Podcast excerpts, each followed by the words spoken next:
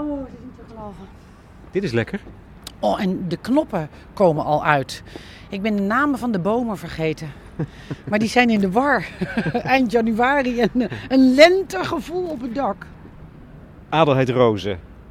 Ehm, even een paar minuten in de zon op het balkonnetje. Dat hoort bij eh, de Green Room, waar de acteurs zich kunnen terugtrekken en ontspannen voor een voorstelling. De stad Schouwburg in Amsterdam.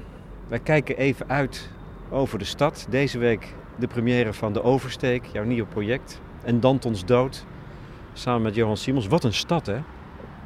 Nou, ik vind het zo. Kijk, als je s'avonds naar die straat kijkt. Ja, recht voor ons, over Tommy Hilfiger heen. Ja, precies.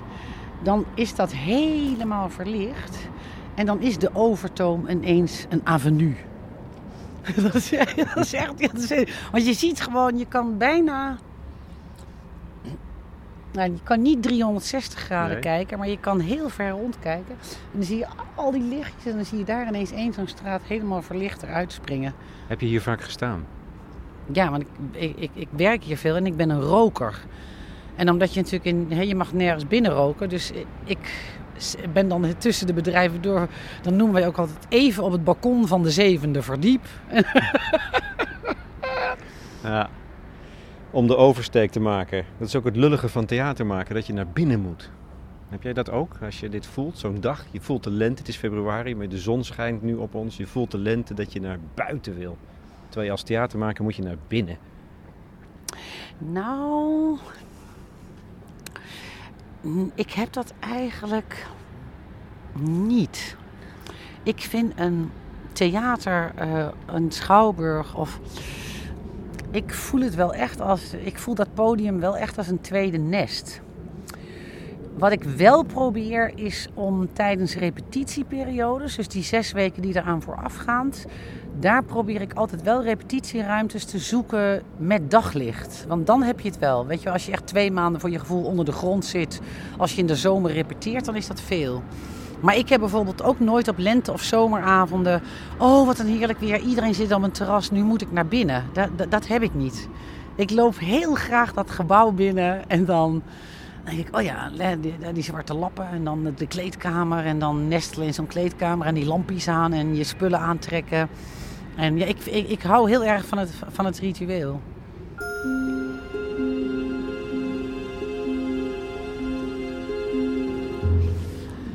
Bij dit project zag ik natuurlijk ehm,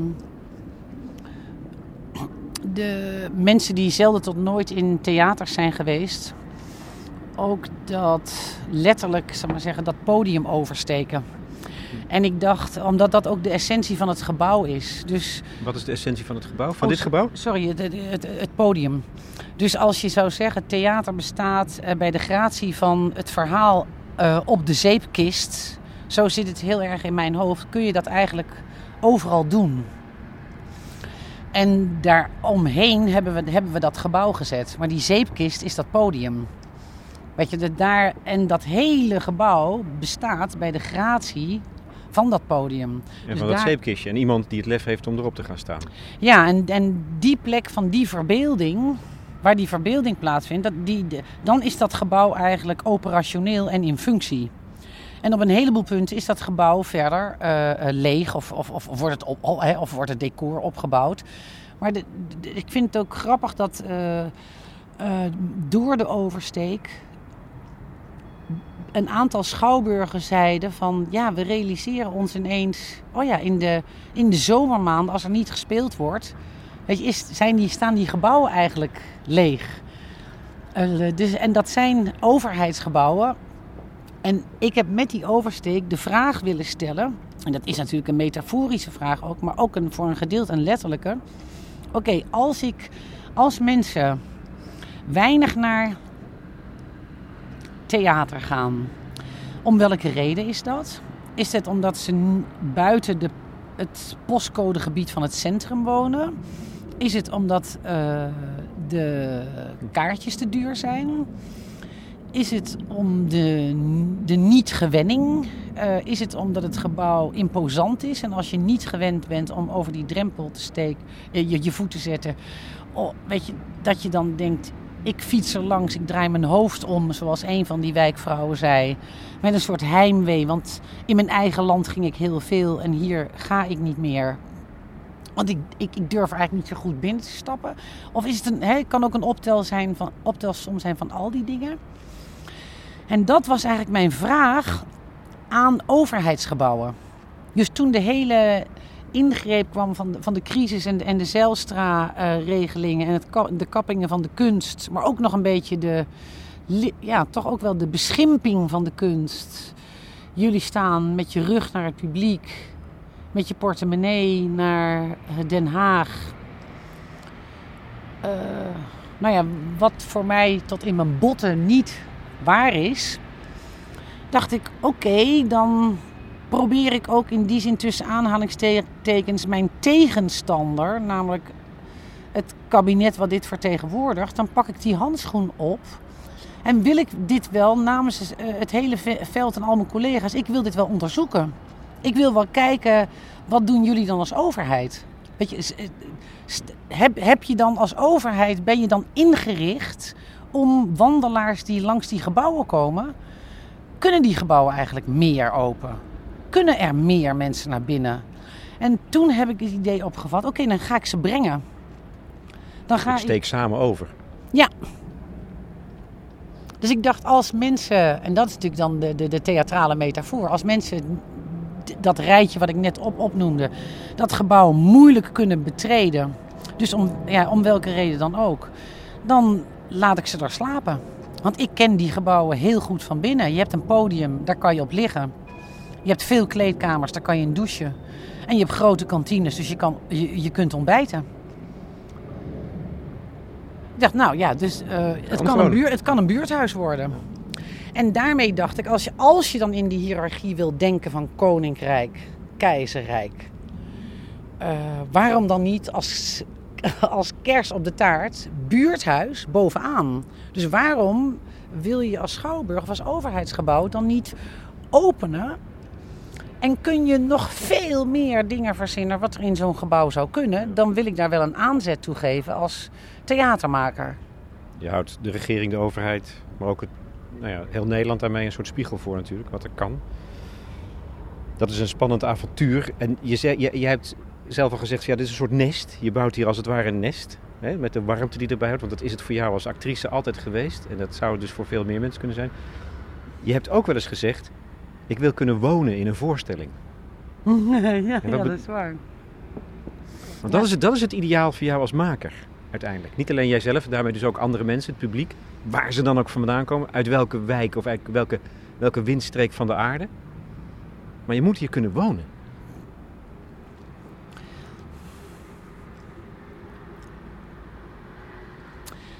Ik heb een soort. Ehm, ik heb beelden in me van een wat je hebt volgens mij als kind. Ik ben eigenlijk nog een ontzettend kind in mijn hoofd. Dus ik zie heel veel mogelijkheden uh, waarvan ik meteen denk, uh, dat kan wel. De dingen kunnen wel. De, de dingen worden heel vaak bestempeld als nee, dat kan niet. Om praktische, organisatorische, uh, formele, ook ego-redenen, weet je, waardoor mensen posities niet kwijt willen. Of, of dat van wat je hebt als je je voeten in de tram op de stoel legt, doet u dat thuis ook. Weet je, dus door, door, door, dat, door dat steeds te beperken van doe je dat thuis ook, is dat je denkt, nou ja, er is, er is eigenlijk meer ruimte om te doen zoals je thuis ook doet. Er is in de samenleving juist meer ruimte. En wij beperken die ruimte steeds. En ik snap dat die ruimte aangegeven moet worden omdat je er met z'n allen in leeft. Maar ik ben heel nieuwsgierig naar die openbare ruimte. Waarin je volgens mij meer kan leven zoals je thuis doet. En minder formeel. Dus die, dat, dat verschil tussen wat binnenwereld is, achter de voordeur zich plaatsvindt, of privé is, en buitenwereld, het openbare leven, dat wil je opheffen. Maar voor jou als theatermaker ook dat, dat, dat dat theater een soort binnenwereld is afgesloten van de wereld waar wij nu naar kijken. Die stad die aan onze voeten ligt. Dat er twee gescheiden werelden In die zin begrijp ik de oversteek ook als een poging om dat verschil op te heffen. Ja, dat, dat, dat klopt ook. Dus daarom is het, is het voor mij ook een, een gelaagd iets. Het is het, het, is het letterlijke. Het is, Ja. het, het is natuurlijk ook het politiek-maatschappelijke. Wat binnenwandelt. Dit is de samenleving zoals we in elkaar zitten. Maar dat wandelt eigenlijk nooit de, de, de schouwburgen binnen. Met die gedachte of met die uitleg ben ik ook naar toneel op Amsterdam gestapt. En heb ik gezegd, ik heb een schouwburg nodig in functie. Ik heb een schouwburg nodig die leeft. Niet een dood leeg gebouw waarin ik nieuwe wijkbewoners eh, even introduceer. Bij bijvoorbeeld hier in Amsterdam, weet je, aan de stad Schouwburg, directeur Melledame. En zeg van, oh nou, deze bezoekers zijn er ook. En die zouden ook best een keertje naar binnen willen hebben. Kunnen we daar niet een plannetje voor maken? Maar ik dacht, nee, ik, ik, ik wil die Schouwburg op het moment dat die helemaal in werking is. Dat dat podium op een professionele manier draait. Dus ik ben naar Ivo van Hoven gegaan en ik heb gezegd, ik heb... De directeur van Toneel Amsterdam. Oh ja, ja, Nee, ja, dat moet je voor sommige Ja, mensen er wel bij ja, ja, zeggen. Ja, ja, precies. Het is zijn huis, dit. Maar... Ja, ja, ja, precies. Dus ik zat bij Ivo en ik zei van nou, dat is wat ik nodig heb. Dus ik noemde dat, mag ik een voorstelling die functioneert in de grote zaal, op dat podium, mag ik die eh, binnenwandelen?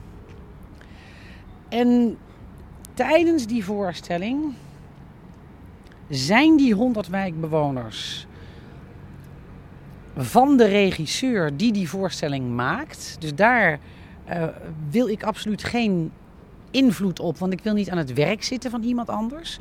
Het traject voorafgaand, dus het verzamelen en het werven van deze mensen.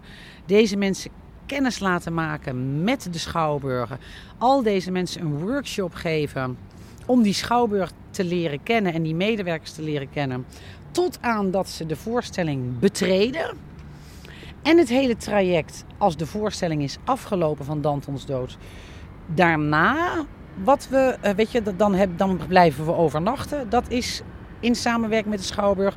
De volgende ochtend hebben ze een ontbijt. Dat is in samenwerking met de Schouwburg. En als we inslapen, leest de plaatselijke Schouwburgdirecteur het inslaapverhaal voor.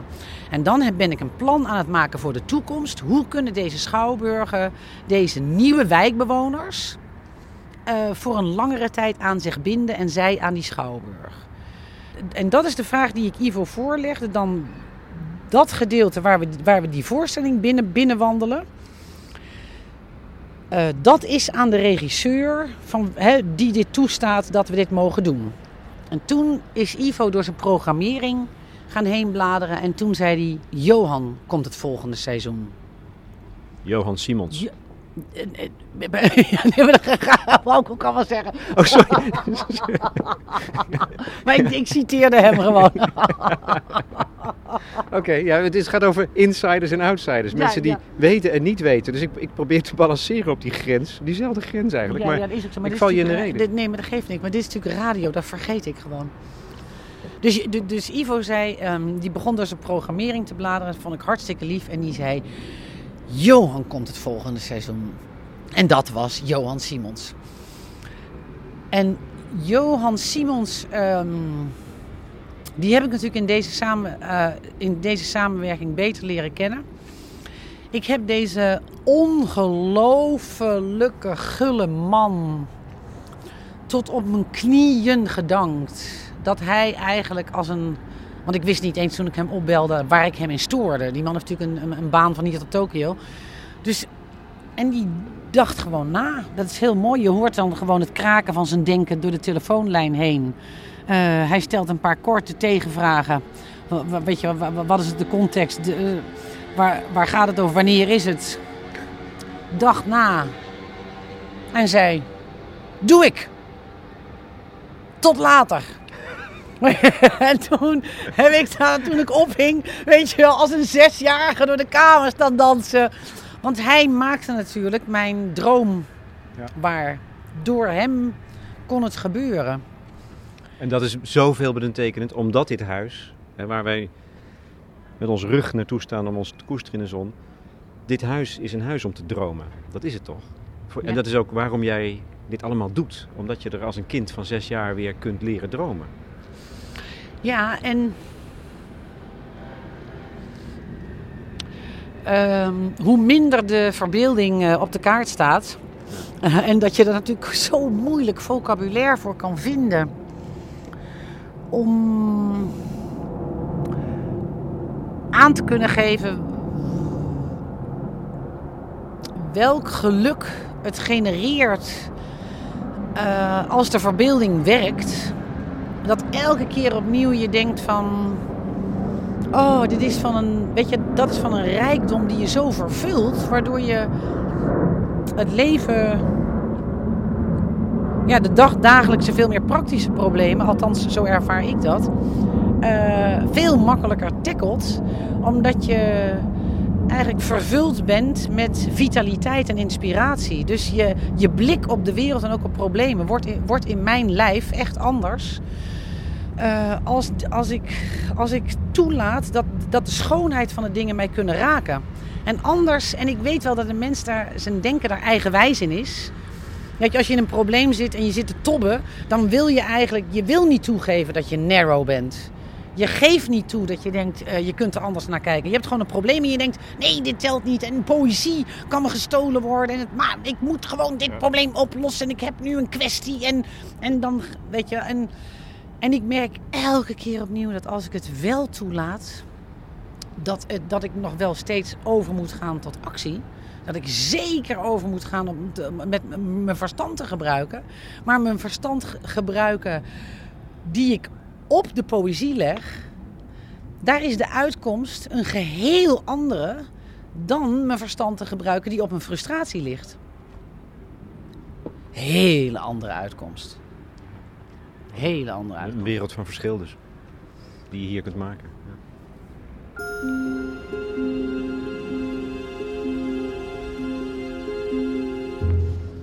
Ik weet niet, je, wij staan hier goed hè?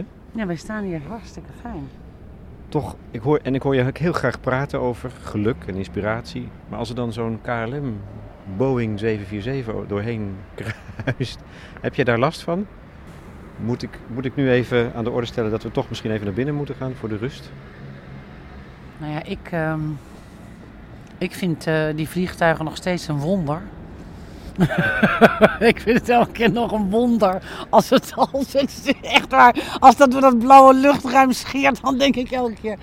Jongens, toch dat het aankomt. Dat het aankomt. Dat het, weet je wel, dat het daar hangt. Dat het beweegt. Onwaarschijnlijk. Nee, ik heb, ik heb er helemaal geen last van. Jij wist niet waar je in terecht kwam. Johan Simons had ja gezegd via de telefoon. Jij wist volgens mij niet eens welke voorstelling hij ging maken hier. Nou, Dans ons nee, dood. Misschien, niet, misschien wist je het een beetje. Nee. Ik ben het gaan lezen.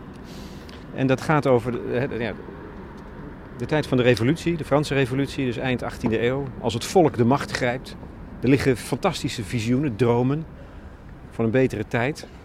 En iedereen mag meedoen. En dan zegt uh, Danton, uh, wie zal dan al deze mooie dingen op gang brengen? Zegt Filippo, wij en de eerlijke mensen. Antwoordt Danton, dat en daartussen is een lang woord. Het houdt ons wat ver uit elkaar. De afstand is lang. En voor wij elkaar weer ontmoeten, is de eerlijkheid buiten adem geraakt. Dat vond ik verbluffend.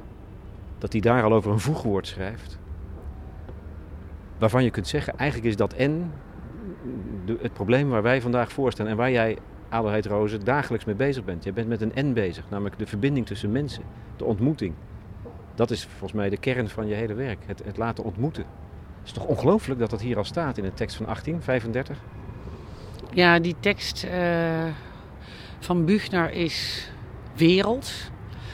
En de bewerking die gemaakt is door de dramateur van Johan Simons uh, vind ik ook hm. geniaal. Misschien is dit tekstje er wel uitgevallen. Het zou best nee, kunnen. nee deze, deze is er. Die staat misschien iets anders ja. geformuleerd. Dit is een ik lees de vertaling van Hugo Claus.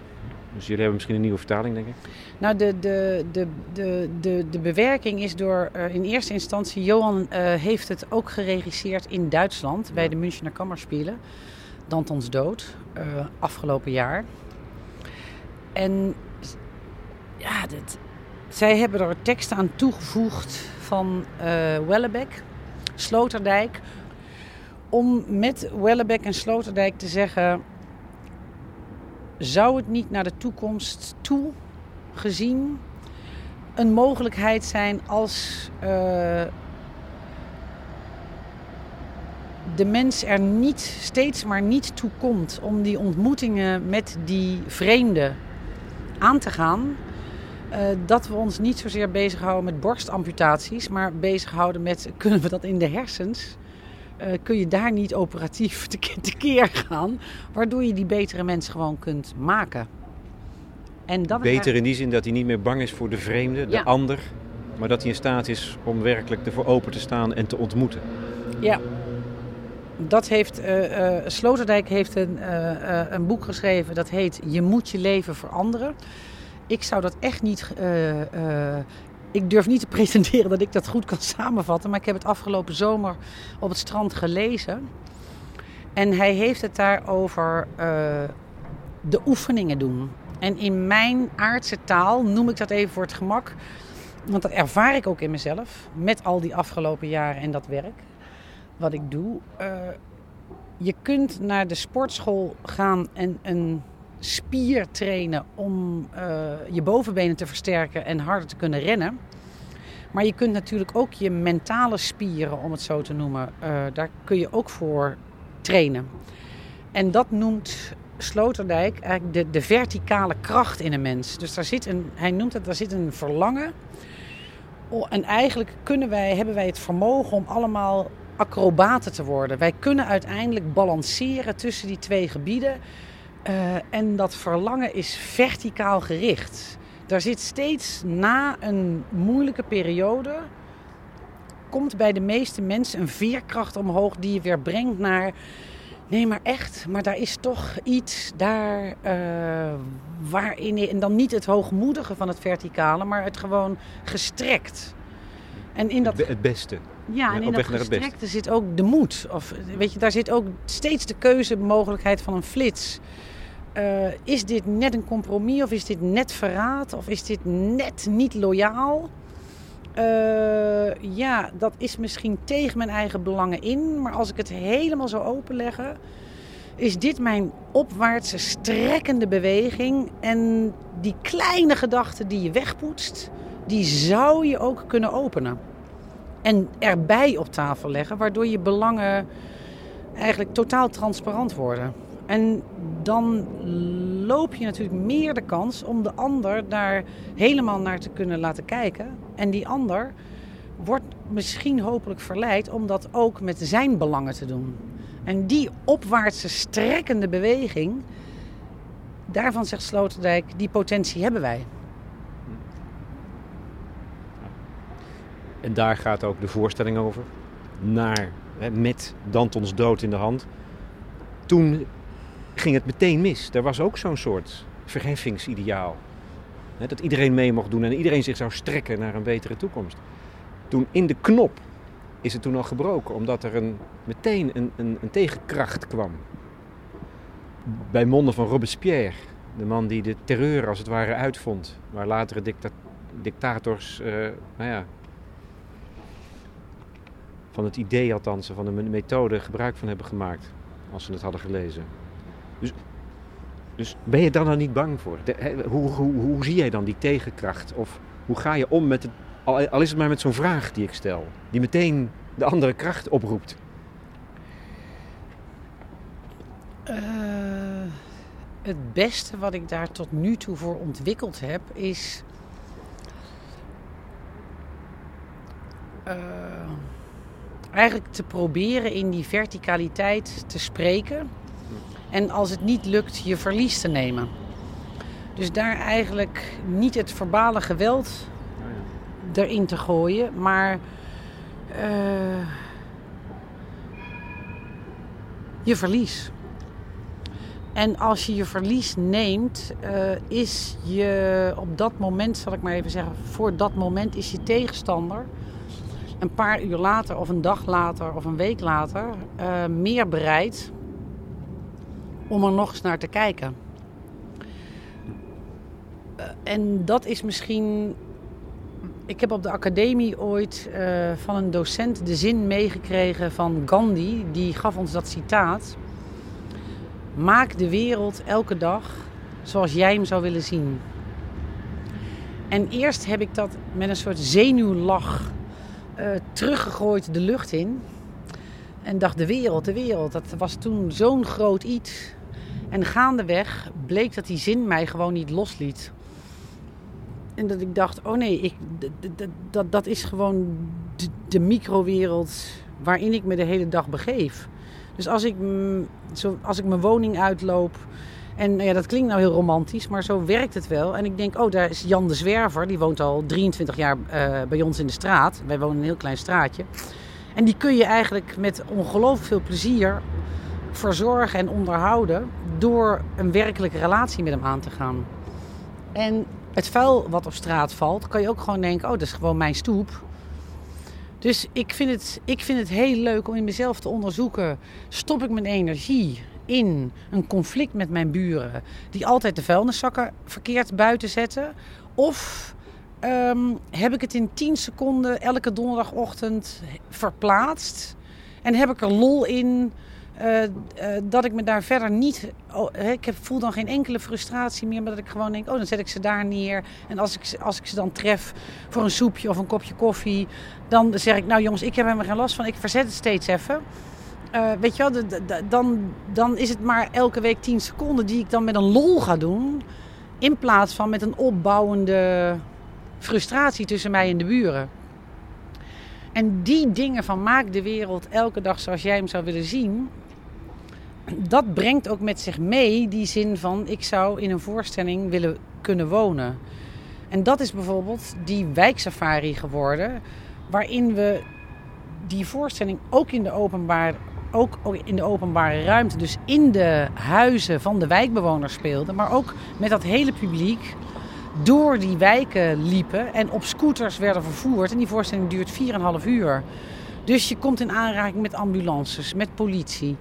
Uh, scooters die op trottoiren staan. Uh, gevels in die hele wijk die moeten, worden beplakt met quotes van wijkbewoners. Andere wijkbewoners die daar bijvoorbeeld weer over gaan klagen omdat ze tegen knalroze letters aan, aankijken. En dan blijkt als je bij die mensen op bezoek gaat die een klacht indienen, uh, dat het heel vaak is dat als je die zin uitlegt of waar je mee bezig bent, dat je zegt, maar als jij een quote hebt, plak ik die ook op. Want we wisselen ze om de twee weken. Weet je wel? De, dus het is heel vaak de, inderdaad gewoon dat contact en dat gesprek aangaan. Waardoor mensen denken: oh ja, ik maak gewoon deel uit van dezelfde samenleving als jij. En niet alle, maar veel verweer komt vaak voort uit: ben ik wel gezien? Of doet iedereen maar iets met mij en dan wordt het tegen mij? Maar als je aangeeft, wij zitten hier twee maanden, wij spelen hier twee maanden, wij hebben een open uh, lokaal ergens waar we een soort foyertje van hebben gemaakt. En daar komen we elke dag in samen, uh, al de keren dat we, dat we, hè, dat we spelen. Uh, voel je welkom. Dan gebeurt er in mensen iets totaal anders. En dan kun je aan de ene kant zeggen dat mensen zeggen van daar heb ik geen tijd voor. En ik ervaar dat het juist ehm, minder tijd kost. Dus al die mensen daarin opnemen, dat voelt als een veel natuurlijkere beweging voor mij in mijn leven, die mij niet belast, dan mijn verzet daartegen. Elk verzet belast mij.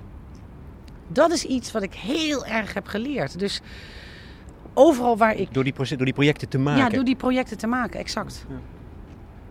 Door elke keer te denken. Uh, dit lukt niet, want die meneer uh, klaagt.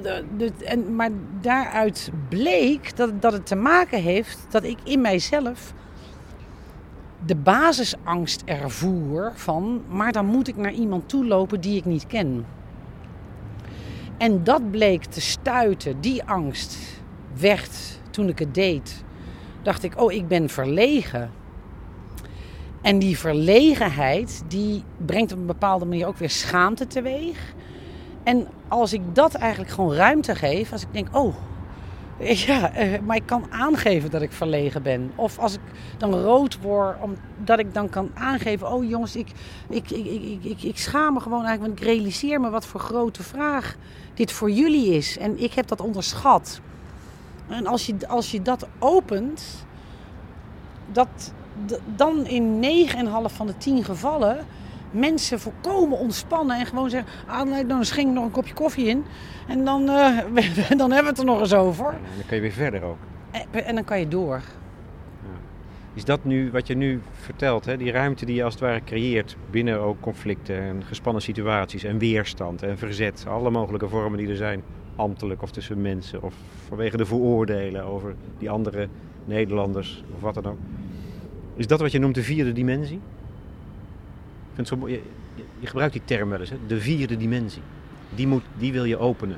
Ja, dat precies. Nou, ik, ik, ik grijp die term terwijl ik misschien ook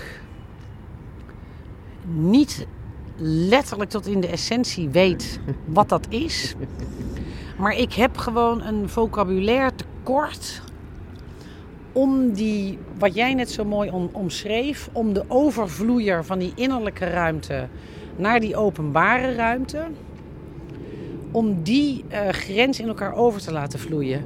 En als ik eh, met mijn eh, collega's of mijn spelers of met mijn studenten op de toneelschool, als ik het daar bijvoorbeeld in spelen over heb, en dat is eigenlijk mijn, mijn beste metafoor, is dat ik zeg: vroeger had je grenzen tussen landen.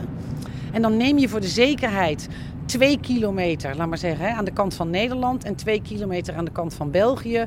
En binnen die vier kilometer leg je dan in het midden dat prikkeldraad. Maar eigenlijk kun je tot aan het prikkeldraad komen.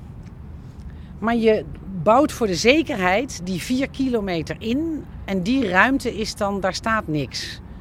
En die ruimte is eigenlijk open. En die betreed je niet. En dat is een beeld wat, wat mensen begrijpen. Weet je, waardoor je denkt, ja, maar je kan tot aan het hek komen en je kan iemand aan iemand zijn oorlel kriebelen.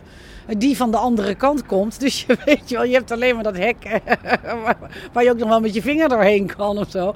Dus je, je, je, je kan veel verder oprukken.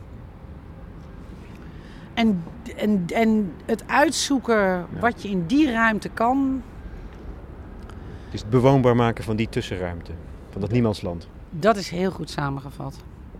Dat is het.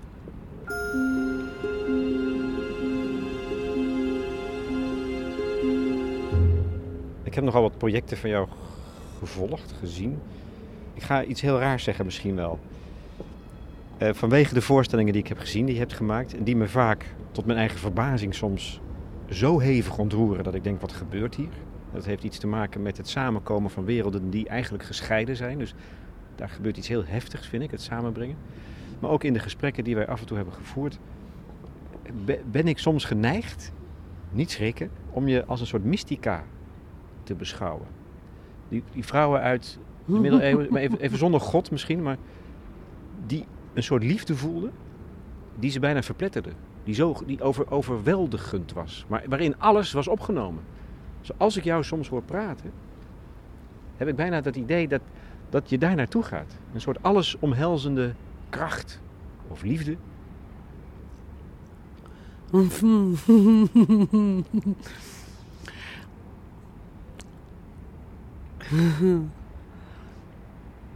Nou, wat ik ontdek eh, is. Terwijl ik ben ook een, eh, een bitch en eh, heb een hele ongeduldige, kattige kant en zo. Dus dat. En, en, en, en, met mijn 55 jaar zie ik die nog wekelijks opduiken, weet je wel. Maar ik, ik zie wel eh, dan even bijvoorbeeld ondersteund door zo'n boek van Sloterdijk, waardoor ik in ieder geval dat, misschien interpreteer ik het, maar in ieder geval wat ik erin herken, is dat ik zie als mensen bijvoorbeeld zeggen: Dit is mijn beste vriendin. Of weet je wel, zo dus al die, al die verschillen aanbrengen, merk ik dat, dat ook binnen die filosofie van Sloterdijk, dat dat hart een orgaan is wat zich oneindig kan oprekken. Dus als mensen zeggen: Je kunt niet zoveel vrienden hebben, want daar zit een soort maximum aan en dan houdt het beste vriendenprincipe houdt op.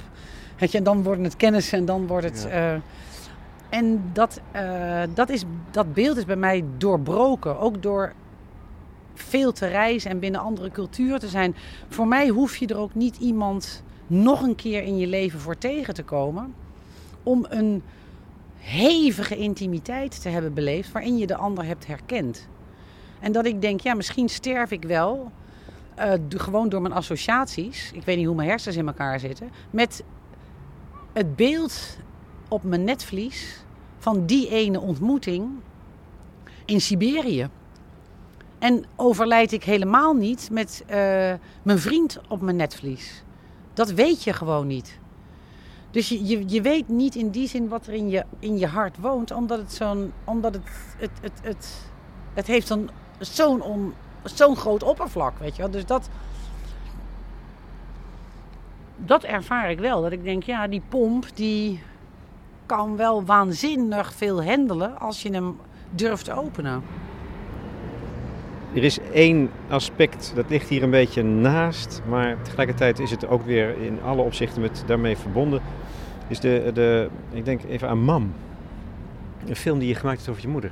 Mm Die dement is geworden en die heb je gefilmd. Het is, een, het is heel concreet om te laten zien wat je, waar je toe in staat bent. Omdat je met haar zo anders bent omgegaan dan je denkt dat je met uh, demente mensen om kunt gaan dat is werkelijk een, een, een, eh, een, een ontdekking van het, wat ik noem, een ontmoeting met het vreemde.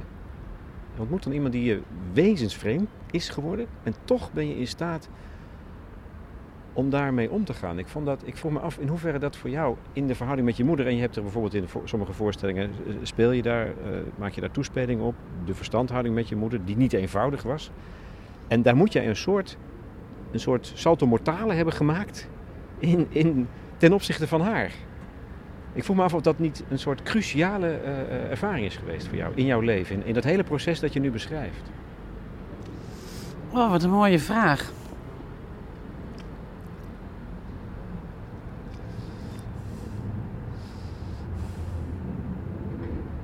Ja, er zeggen, daar zeggen wel eens mensen tegen mij: Vind je het niet jammer dat je moeder zich pas kon openen? Of dat haar hart pas open kon gaan, wezenlijk open kon gaan voor jou door de Alzheimer?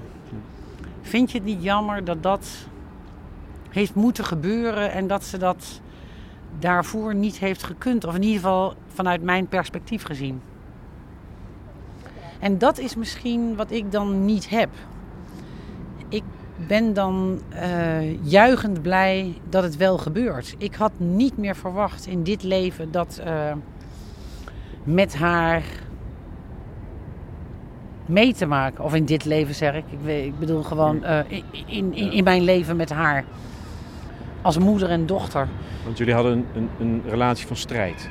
Ja, van echt, maar echt, ja, echt, een, een, een, je, ja, echt wel een, uh, een boksring, een, een, een oorlogsveld. Ja. ja. Altijd hoor?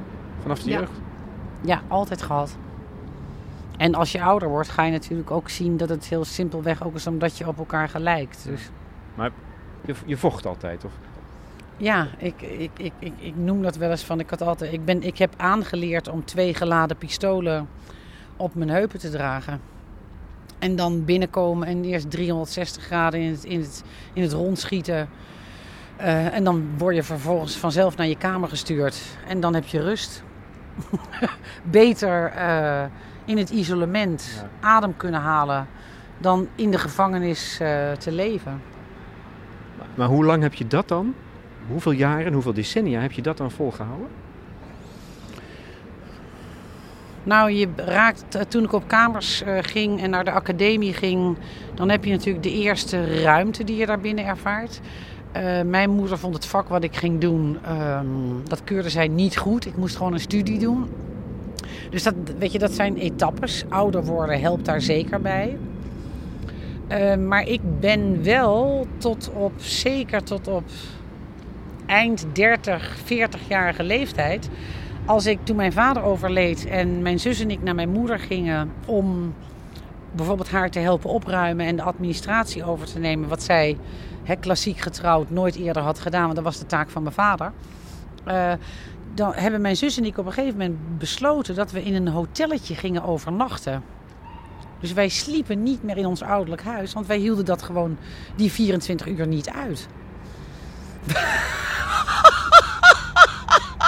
En mijn, mijn zus en ik, wij werden gewoon... Weet je, toen waren we echt met mijn zus twee jaar ouder. Gewoon rond de veertig. En dan stonden we als twee pubers in een hotelkamertje met z'n tweeën op het bed te dansen. Met een witte wijn en, eh, en lekker paffend op het balkon. Yo, we hebben de hele nacht met z'n tweeën. Morgenochtend een rustig ontbijt met een kopje koffie. En dan weer terug. Hoe zot kan je het bedenken? Maar toch was dat een onwaarschijnlijk goede ingreep. Omdat wij daardoor onszelf konden opladen. En dan terug dat strijdveld in. Want anders krijg je elke keer. Kijk, ik wilde in mijn leven natuurlijk op een gegeven moment van dat oorlogsgevoel af. Of Ja. dat wil je natuurlijk afbouwen. En, ik, en, en je, ik probeerde natuurlijk mezelf te overwinnen elke keer in een conflict. Door te denken, ik win me niet op. Ik, weet je wel, ik ga er niet op in. Ik, ik probeer er ook nog in haar aanval gewoon aan te raken. En te zeggen, mam, heel even, heel, heel even mijn kant van de zaak of zo. Ik- ja, ik leg mijn pistolen nu even weg. Nee, ja, precies. En daar heb, je, daar heb ik ook een heleboel pogingen eh, Ja. toe ondernomen. En, maar de. Nou ja, het, het, was weer dat orgaan, het hart, wat dat deed. Dus mijn moeder kwam in haar eerste minimale verwarring terecht. En het hielp mij ook om haar te zien door een fractie van een onbeholpenheid. Eh, en dat zij eigenlijk die, die, ook dictator die zij was, dat het haar even ontschoot. Het ontviel haar even. En toen, omdat je je moeder natuurlijk heel goed kent, zag ik het en ik was gewoon meteen ontroerd. Dus daar kwam, daar kwam bij mij gewoon, een, ik, dat is helemaal niet een besluit of zo, denk ik. Da- da- da- Daar kwam bij mij niet, iets- niet, niet iets als wraak of niet iets van, ik zie een zwakke plek. Ehm, nou, bijt ik je eens even goed in je hiel. Nu heb ik gewonnen. Ja, ja, nee, totaal. Ik dacht alleen maar, nu kan ik er naderen. En daar ben ik meteen mee begonnen. Maar het is diep ontroerend en aangrijpend, omdat, ja, omdat je dat ziet, dat dat lukt. Terwijl dat, je houdt dat bijna voor onmogelijk. Ja, maar, de, maar Lex, ik heb wel een half jaar door het leven gewandeld.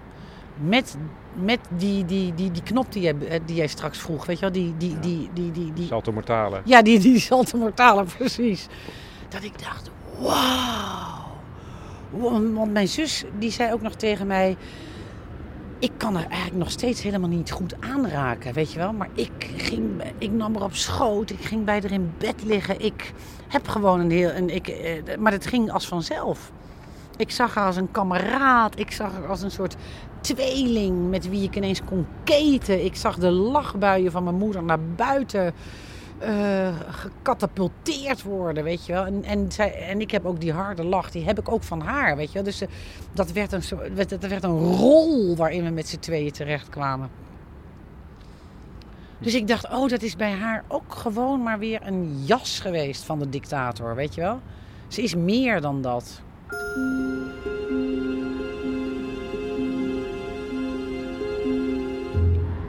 Ik heb het gezegd.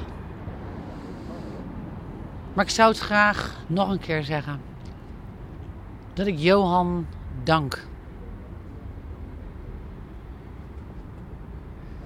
Danton komt je eigenlijk even een omhelzing geven, maar Maar die, Die zag, sluipt ineens ook- een, die zag ineens een microfoon. ja. Ja. Je dankt Hans Johan. was het, ja. Hans Kesting kan ook even, even roken, even buiten staan. Zo de repetitie weer in. Ja, ik voel dat heel vaak als ik over straat de- tijdens deze hele periode. Ik voel echt dank in mijn hart. Dan zit ik in de tram of zit ik op de fiets of dan sla ik s'avonds nog een keer het script of tussen de bedrijven door. Dat ik denk, wow, die man op de dijk die daar staat, die ferme man op de dijk. Wow, wat een geweldig ja heeft hij ons gegeven. Hmm. Overigens, wat ga je nou met dat volk doen? Hè? Je, je, je sleept het volk de Schouwburg in. Ze mogen hier wonen. Ga je ook nog iets doen? Ga je het, het- ontmoetingen ontketenen tussen de mensen? Of laat je dat spel vrij als ze hier eenmaal zijn en ontbijten en de voorstelling hebben meegemaakt? Ja, nee, dat is misschien een, een verwarring. Het, het, doen, het doen is het hele ding natuurlijk. Je, Ja. je, je, je benadert mensen. Je, het speelt in zeven steden. Ik heb een bezoek gebracht, een heel lang uitvoerig bezoek aan al die zeven schouwburgen. Aan de directies, weet je, dat ze echt weten wat er binnenkomt. Want dat is natuurlijk een enorm geregel. Eh, Dan ga je in al die steden die 100 eh, bewoners werven. Dus in totaal zijn er denk ik 800 of 900 mensen op de been. Die blijven slapen in schouwburgen. En ik noem dat voor het gemak een workshop. Dus al deze 100 bewoners in die steden die krijgen een workshop van vier of vijf bijeenkomsten. Waarin zij, dat is misschien goed om te zeggen, het zijn geen figuranten, het is geen koor. Zij spelen niet.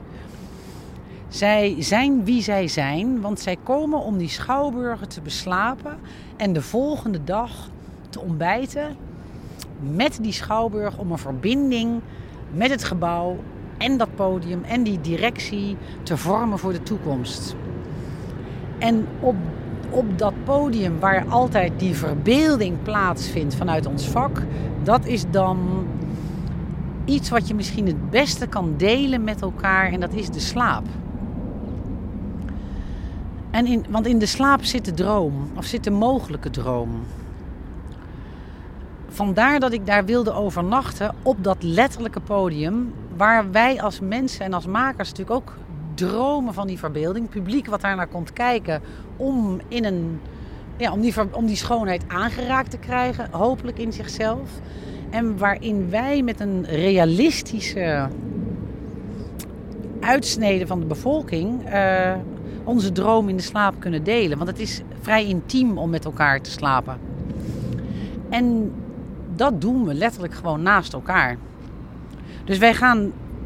De directeur die leest een inslaapverhaal van iedere schouwburg. En dan gaan we setjes maken van wie naast wie ligt. En dan is daar nog een kort ontmoetingsspel van. Weet je, maar je moet toch een beetje wennen, want je ligt allemaal.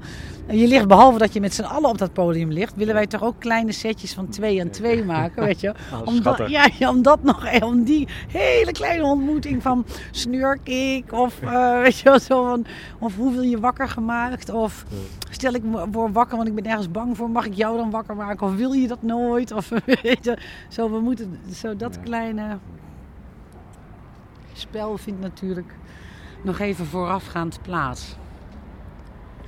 We staan hier letterlijk op de rand van de Schouwburg. In een zo- een soort niemandsland.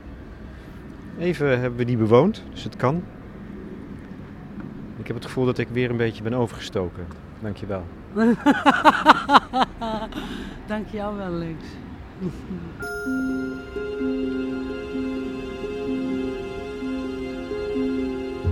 Voor de correspondent Lex Bolmeijer in gesprek met Adelheid Rozen. Over de oversteek.